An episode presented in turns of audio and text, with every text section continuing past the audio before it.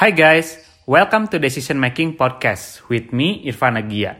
Sebuah podcast tentang bagaimana kita bisa lebih baik dan juga lebih bijak dalam mengambil keputusan dalam kehidupan kita sehari-hari. Dibahas dari berbagai perspektif, terutama keilmuan psikologi dan behavior science. Karena hidup adalah akumulasi dari pilihan-pilihan yang kita ambil. Summary dari setiap episode di podcast ini akan selalu gua share di fitur Insta Stories. Jadi bisa cek aja nanti di Instagram at irfan underscore agia. Nah, di episode ke-48 ini, kita bakal bahas topik tentang getting older atau bertambah tua gitu. Nah, jadi hari ini kita akan bahas sesuatu yang jadi kepastian dan keniscayaan ya teman-teman untuk semua orang yaitu bertambah tua. Jadi semakin hari semakin uh, semakin tahun gitu ya uh, ke depannya itu adalah sesuatu yang pasti akan terjadi buat kita semua gitu ya bertambah tua gitu kan.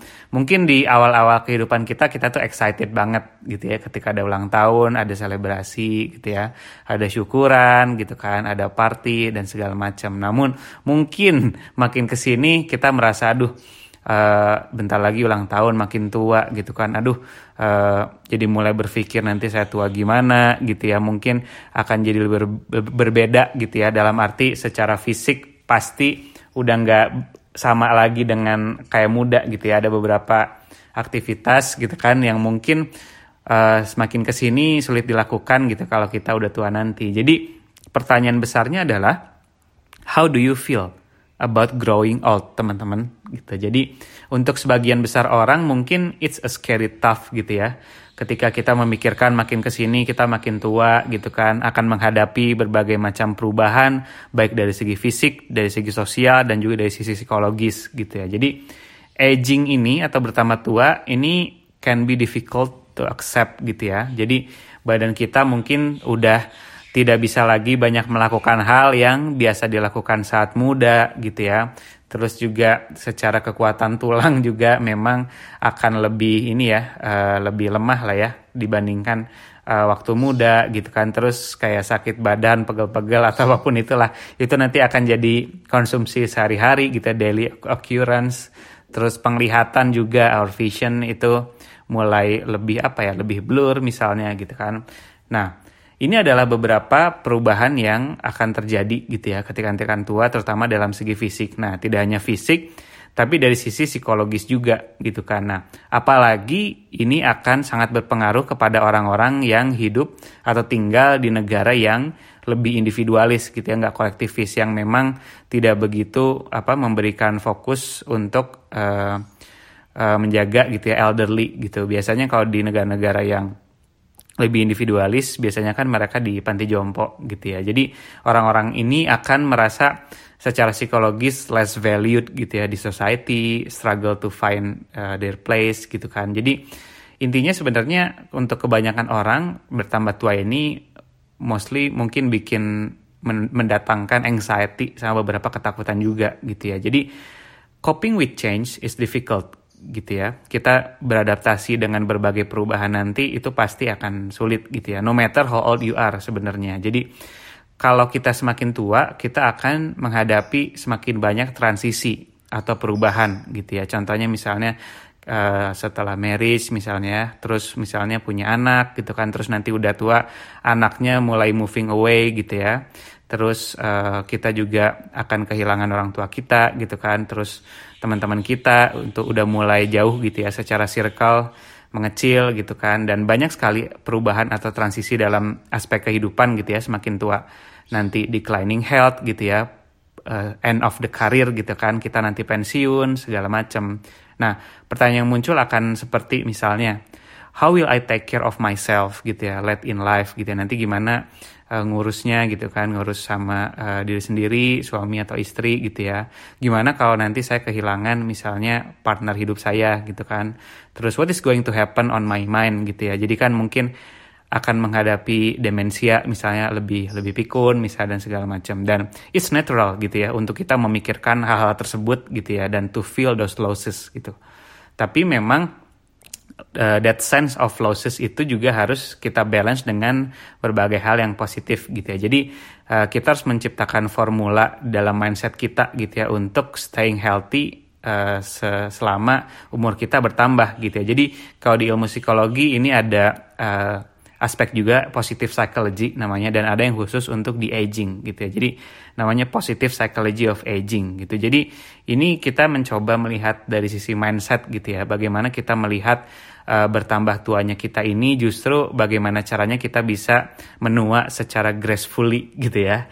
Jadi healthy aging ini artinya adalah kita bisa uh, reinventing ourselves gitu ya. Bisa lebih positif gitu ya. Kita bisa menemukan enjoyment baru di umur-umur yang mulai 50, 60, 70 dan seterusnya gitu kan. Jadi artinya adalah finding new things to enjoy gitu kan. Terus learning to adapt dengan berbagai perubahan nanti gitu kan. Staying physically and socially active gitu ya. Dan yang paling penting juga adalah feeling connected gitu ya dengan komunitas atau juga our loved ones gitu. Nah, jadi ini ada beberapa tips lah ya dari sisi keilmuan tersebut positive psychology untuk kita uh, bisa aging well gitu ya. Kita bisa uh, menghadapi atau menerima dan juga beradaptasi dengan berbagai perubahan seiring bertambahnya usia kita gitu ya. Yang tips yang pertama itu adalah learn to cope with change. Bagaimana kita terbiasa beradaptasi dengan berbagai perubahan.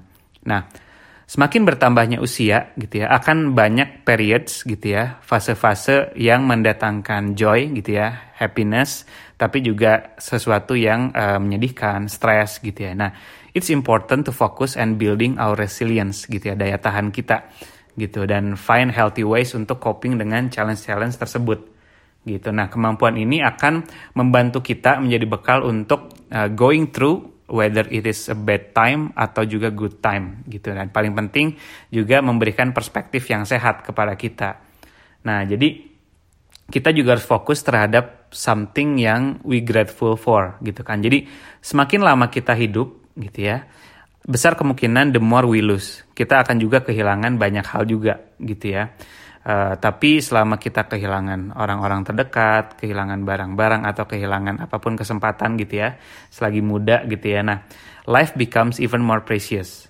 Gitu. Kenapa? Karena ketika kita stop taking things for granted, kita gitu, kita akan lebih appreciate dan enjoy apa yang kita punya sekarang lebih lebih banyak lagi gitu. Nah, kemudian juga kita perlu accept things that we can change. Jadi ini juga hal yang selama ini gue coba belajar juga selama pandemi juga gitu ya. Jadi berpikir stoa gitu kan. Jadi ini adalah suatu perspektif di mana uh, kita harus menyadari bahwa banyak banget hal di hidup kita gitu ya.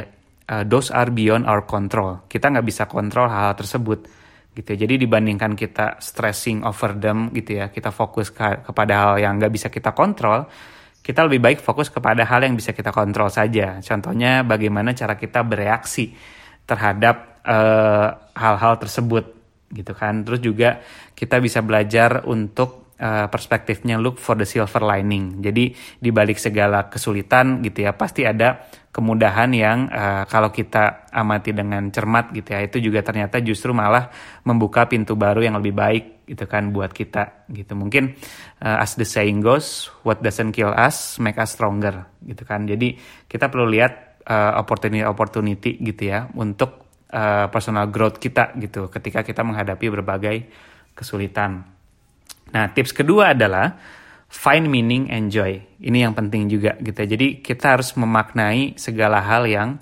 terjadi dalam hidup kita gitu. Jadi salah satu kunci utama dalam kita bisa healthy aging gitu ya adalah ability atau kemampuan kita untuk terus menemukan makna atau bisa memaknai hal-hal yang terjadi dalam hidup kita, terutama hal yang positif bagi kita gitu. Karena uh, kayak tadi sempat kita bahas juga gitu ya, semakin kita menua kita akan menghadapi banyak perubahan dan mungkin kita akan gradually gitu ya losing things gitu ya kayak contohnya misalnya jenis pekerjaan kita mungkin akan berubah gitu ya.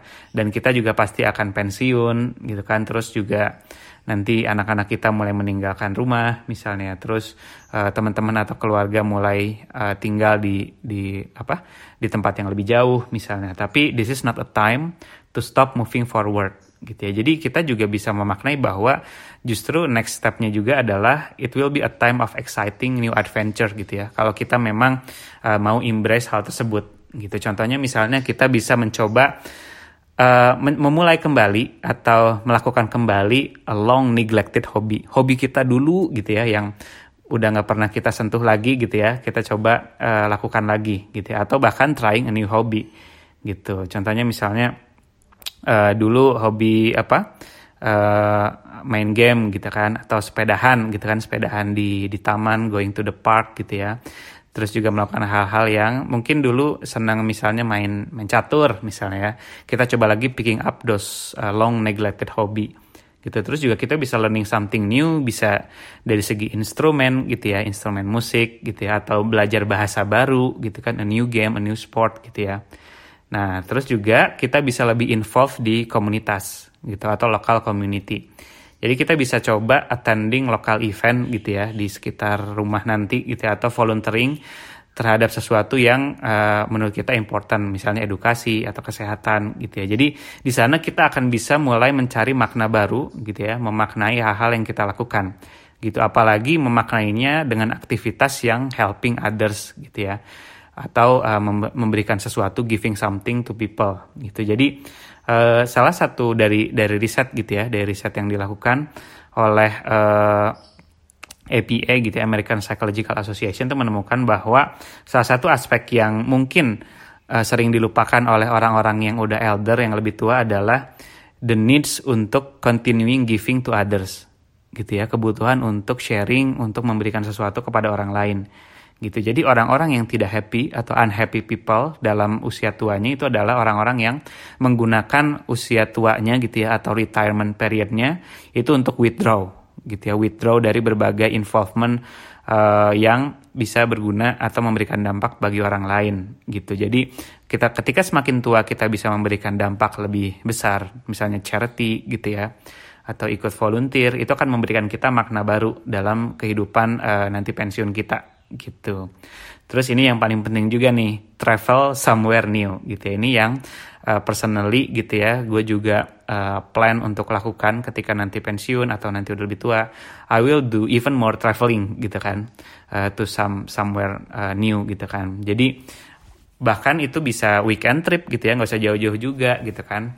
Atau bisa juga ke negara-negara lain ketika kita punya masih punya apa waktu, tenaga dan uang of course gitu ya spend more time di nature, di alam gitu ya. Dan juga enjoy arts gitu, misalnya visit museum, go to the concert gitu kan. Konser-konser klasik gitu misalnya nanti yang kita suka sekarang mungkin nanti di masa depan akan menjadi sesuatu yang klasik gitu ya. Jadi itu juga apa memunculkan lagi nostalgia kita gitu. Nah, tips ketiga itu adalah staying connected gitu ya. Tetaplah terhubung dengan orang lain gitu. Jadi one of the greatest challenge ketika nanti kita tua atau aging itu adalah maintaining our support network gitu ya. Jadi staying connected ini tidak selalu uh, semudah ketika kita muda gitu ya. Jadi semakin tua nanti pasti akan banyak limitasi atau batasan-batasan yang membuat kita sulit untuk uh, terkonek lagi dengan teman-teman kita gitu dengan keluarga-keluarga jauh kita misalnya ya.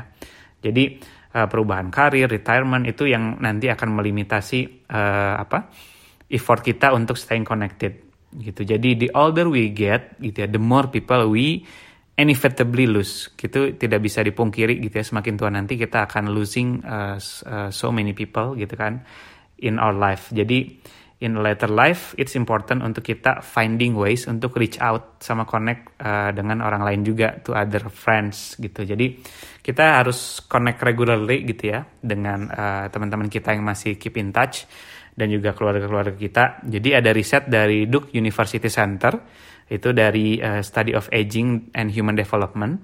Itu menemukan bahwa memiliki keluarga dan teman-teman yang banyak gitu ya itu bukan the answer justru bukan jawaban untuk happy life tapi yang paling penting adalah engage actively dengan mereka gitu. Jadi kita tidak cukup misalnya kita masih punya banyak teman masih punya uh, banyak keluarga gitu ya saat usia tua itu tidak cukup. Justru yang paling penting adalah how we can actively engage dengan mereka gitu. Jadi uh, dengan dengan kita tetap actively engage riset mereka tuh membuktikan bahwa this this kind of activities, social activities itu can help us live even longer gitu ya. Jadi kalau kita juga perlu juga making effort uh, gitu ya mau untuk making new friends, teman baru juga gitu kan.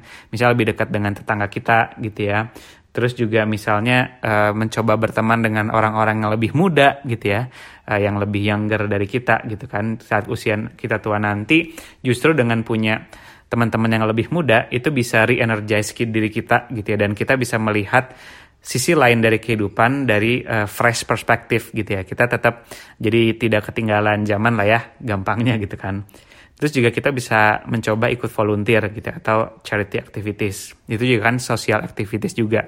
Kita bisa new, meet new friends gitu kan. Dan mungkin juga ketemu orang-orang baru gitu kan yang memberikan kita makna lain gitu.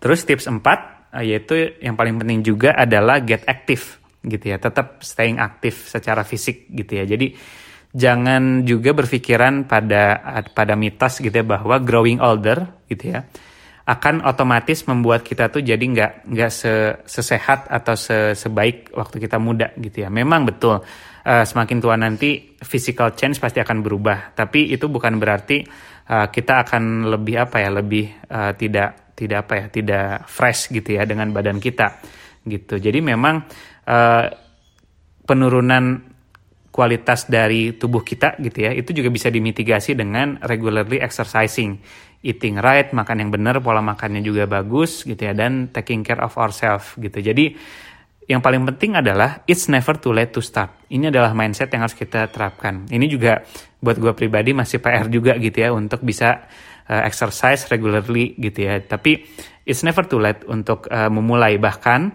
uh, penelitian juga menunjukkan bahwa even ketika kita mulai uh, baru mulai aktif gitu ya berolahraga saat usia kita sudah senior gitu ya itu juga tetap memberikan dampak yang positif untuk tubuh kita gitu bisa uh, benefitnya sharpen our memory gitu ya karena kan salah satu yang akan sangat menurun itu adalah aspek kognisi gitu ya. Jadi secara ingatan gitu ya. Terus boosting our immune system dan increase our energy of course gitu. Nah, eat well juga penting banget nih, gitu kan. Jadi uh, kita juga ini harus mulai membiasakan diri juga gitu ya, mumpung masih muda, uh, pilih makanan-makanan yang sehat gitu ya. Uh, karena ke depannya juga kita akan uh, apa yang kita makan saat muda itu akan mempengaruhi kualitas kehidupan kita di saat tua nanti gitu ya. Selain itu yang paling penting juga adalah get plenty of sleep. Nih, ini yang sangat gue tekankan gitu ya. Pola tidur gitu. Pola tidur ini tuh penting banget untuk kita jaga, untuk kita maintain polanya sampai tua nanti gitu. Karena banyak sekali orang-orang senior, orang yang udah lebih tua itu komplain terbesarnya itu adalah sleep problems teman-teman. Gitu misalnya insomnia gitu kan. Terus daytime sleepiness itu artinya uh, pas siang udah udah mulai ngantuk gitu kan sore udah mulai ngantuk gitu dan bahkan frequent waking up ketika malam malam-malam gitu. Jadi kita mumpung masih muda nih kita perlu uh, menekankan sekali dengan pola tidur yang sehat gitu ya. Seperti itu. Dan yang tips terakhir tips kelima adalah keep our mind sharp gitu ya. Gimana caranya biar ingatan kita dan uh, apa uh, skill otak kita gitu kognisi kita tuh tetap tajam gitu ya selama kita muda sampai nanti tua gitu. Jadi banyak banget uh, benefit kalau kita tuh membiasakan diri kalau gue pribadi gitu ya gue tiap pagi uh, tiap hari gitu pasti nyempetin 5 menit lah uh, 4 sampai 5 menit untuk main brain games misalnya kayak puzzle atau apa pun itu. Dan adalah di aplikasi-aplikasi yang uh, membuat kita tuh main mini games tapi untuk uh, menjaga biar si mind minds kita tuh problem solving skill kita itu tetap sharp gitu kan. Kita juga kalau nanti udah tua bisa mencoba melakukan variasi teman-teman. Nggak usah nggak usah hal yang mungkin brain games juga gitu. Tapi kita bisa hal kecil seperti misalnya kalau kita ke tempat A biasanya lewat uh, jalan B kita bisa coba uh, jalan lain gitu yang jalan, jalan C gitu ya. Biasa naik naik bus kita coba ganti naik kereta misalnya atau naik sepeda. Jadi kita bisa melakukan variasi-variasi kecil dalam uh, keseharian kita gitu ya. Itu pun juga membantu untuk uh, membuat si brand kita ini tetap fresh gitu kan Terus kita bisa coba juga uh, apa new subject to learn kayak tadi gitu ya. Misalnya belajar uh, bahasa baru gitu kan, terus mencoba skill-skill baru gitu kan. Itu juga bisa gitu kan untuk kita coba lakukan. Seperti itu. Nah, itu adalah 5 tips untuk kita bisa menyiapkan diri kita untuk uh, aging gracefully gitu ya. Nah, yang paling penting juga ini ada aspek lain yaitu plan. Teman-teman harus punya plan gitu ya untuk uh, menyiapkan hari tua nanti, plan for it gitu. Jadi uh, in fact justru di masa sekarang gitu ya, uh, gua, gua pribadi lebih confident gitu ya. Uh, masa tua orang-orang yang ada di generasi sekarang itu akan lebih lebih baik secara kualitas hidup gitu ya dibandingkan mungkin generasi-generasi sebelumnya gitu. Karena dari segi teknologi kita lebih maju gitu kan. Terus juga dari sisi ekonomi juga gitu dari sisi ekonomi pun terutama di Indonesia gitu ya udah banyak banget projection bahwa tahun 2045 gitu ya 2045 ke atas itu Indonesia akan termasuk dalam negara superpower lah ya dalam dari sisi ekonomi gitu kan. Terus juga banyak data yang menunjukkan uh, we are living longer gitu ya, kualitas hidup dan juga apa uh, time span, lifespan uh, orang-orang itu meningkat gitu ya, semakin semakin apa semakin tahun gitu kan. Nah ini juga dengan tren ini gitu ya, many countries akan mulai adapt dengan berbagai health policy juga gitu kan. Jadi uh, negara juga mulai encourage kita untuk engage di active lifestyle gitu ya. Terus juga dari segi apa usia pensiun juga akan lebih meningkat gitu ya misalnya gitu kan. Jadi uh, apa kalau kita lihat juga di negara lain misalnya di Singapura gitu ya uh, di negara tersebut juga uh, masih banyak tuh orang-orang tuh orang-orang yang udah senior tapi masih dibolehkan untuk bekerja. Karena untuk sebagian besar orang uh, bekerja itu menjadi energi mereka gitu ya.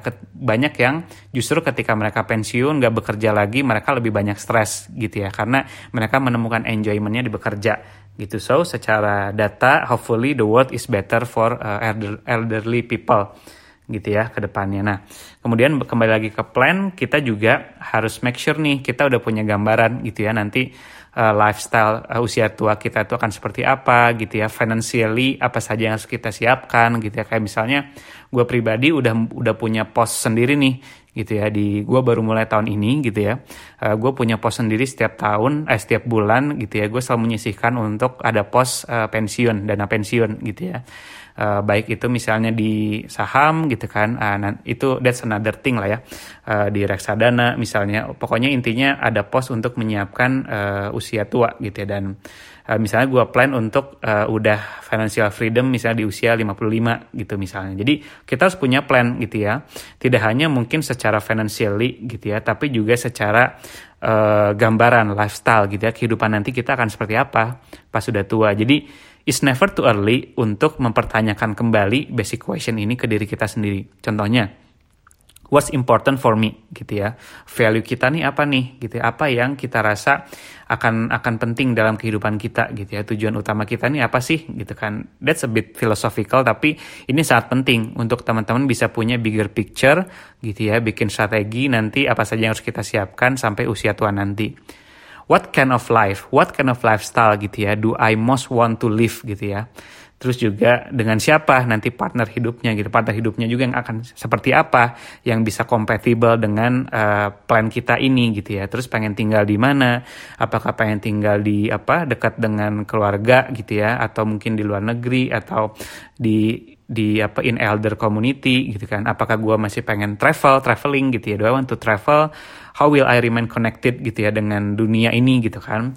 Terus what kind of contribution? Kontribusi apa sih yang ingin saya berikan gitu ya ketika nanti sudah tua gitu ya. Setelah nanti kita udah tidak dibatasi dengan struktur pekerjaan dan sudah pensiun gitu. Jadi uh, ini juga ada satu riset yang menarik gitu ya dan juga bisa menjadi relief buat kita gitu ya. Ada istilahnya tuh aging paradox.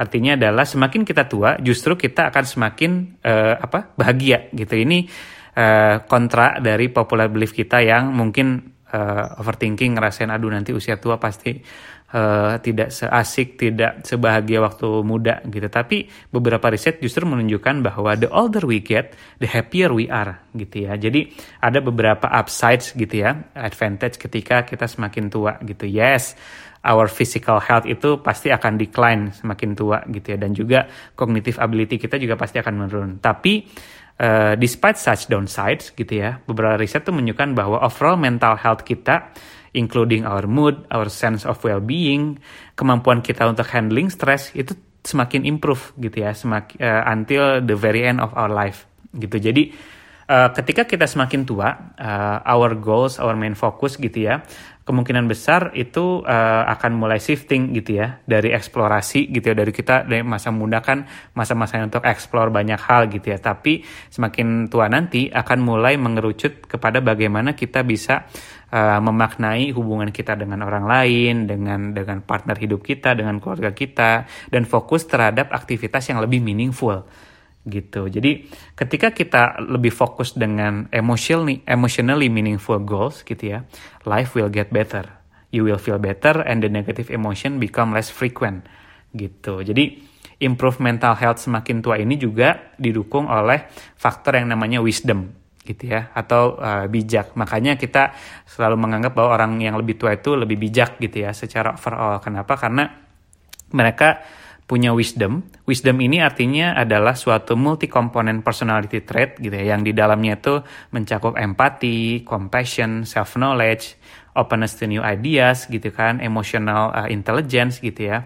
Jadi semakin kita tua, kita akan mengambil lebih banyak uh, better social decision. Kenapa? Karena kita lebih berpengalaman gitu ya, kita sudah mengalami banyak hal and that's where the wisdom comes into play seperti itu. Jadi uh, kita juga dengan memiliki perspektif ini we can gracefully gitu ya, embrace gitu ya uh, masa tua kita nanti. Kita juga perlu plan seperti apa gitu ya. Jadi it's not something that uh, yang yang akan apa ya membuat kita feel miserable gitu ya. Uh, ketika tua nanti yang paling penting adalah kita menyiapkan gitu ya we plan for it we embrace for it and we are ready for it gitu dan paling penting juga adalah how we are old depends very much on how we are young. Jadi lakukanlah gitu ya kegiatan-kegiatan selama kita muda ini yang dapat membuat our future self itu thanking us for doing this gitu. Jadi setiap hal yang kita lakukan, plan yang kita rencanakan gitu ya, apa pun yang akan kita uh, capai gitu ya dalam usia muda, make sure itu yang membuat kita saat nanti tua nanti kita berterima kasih kepada diri kita saat sekarang gitu karena for doing that gitu.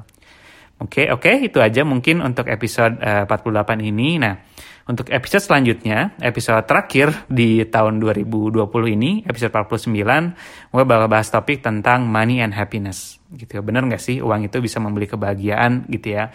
What are the relationship between money and happiness? Gitu. Jadi, sampai jumpa di episode ke-49. Kalau ada request atau masukan tentang feedback, boleh juga email atau message gue di Instagram at irfan underscore agia. Kalau teman-teman merasa podcast di sini topik-topiknya berguna atau memberi wawasan baru buat teman-teman, please share it to others. Bisa bagikan link konten podcast ini di Instagram because sharing is caring. Thank you and see you in the next two weeks. Bye-bye.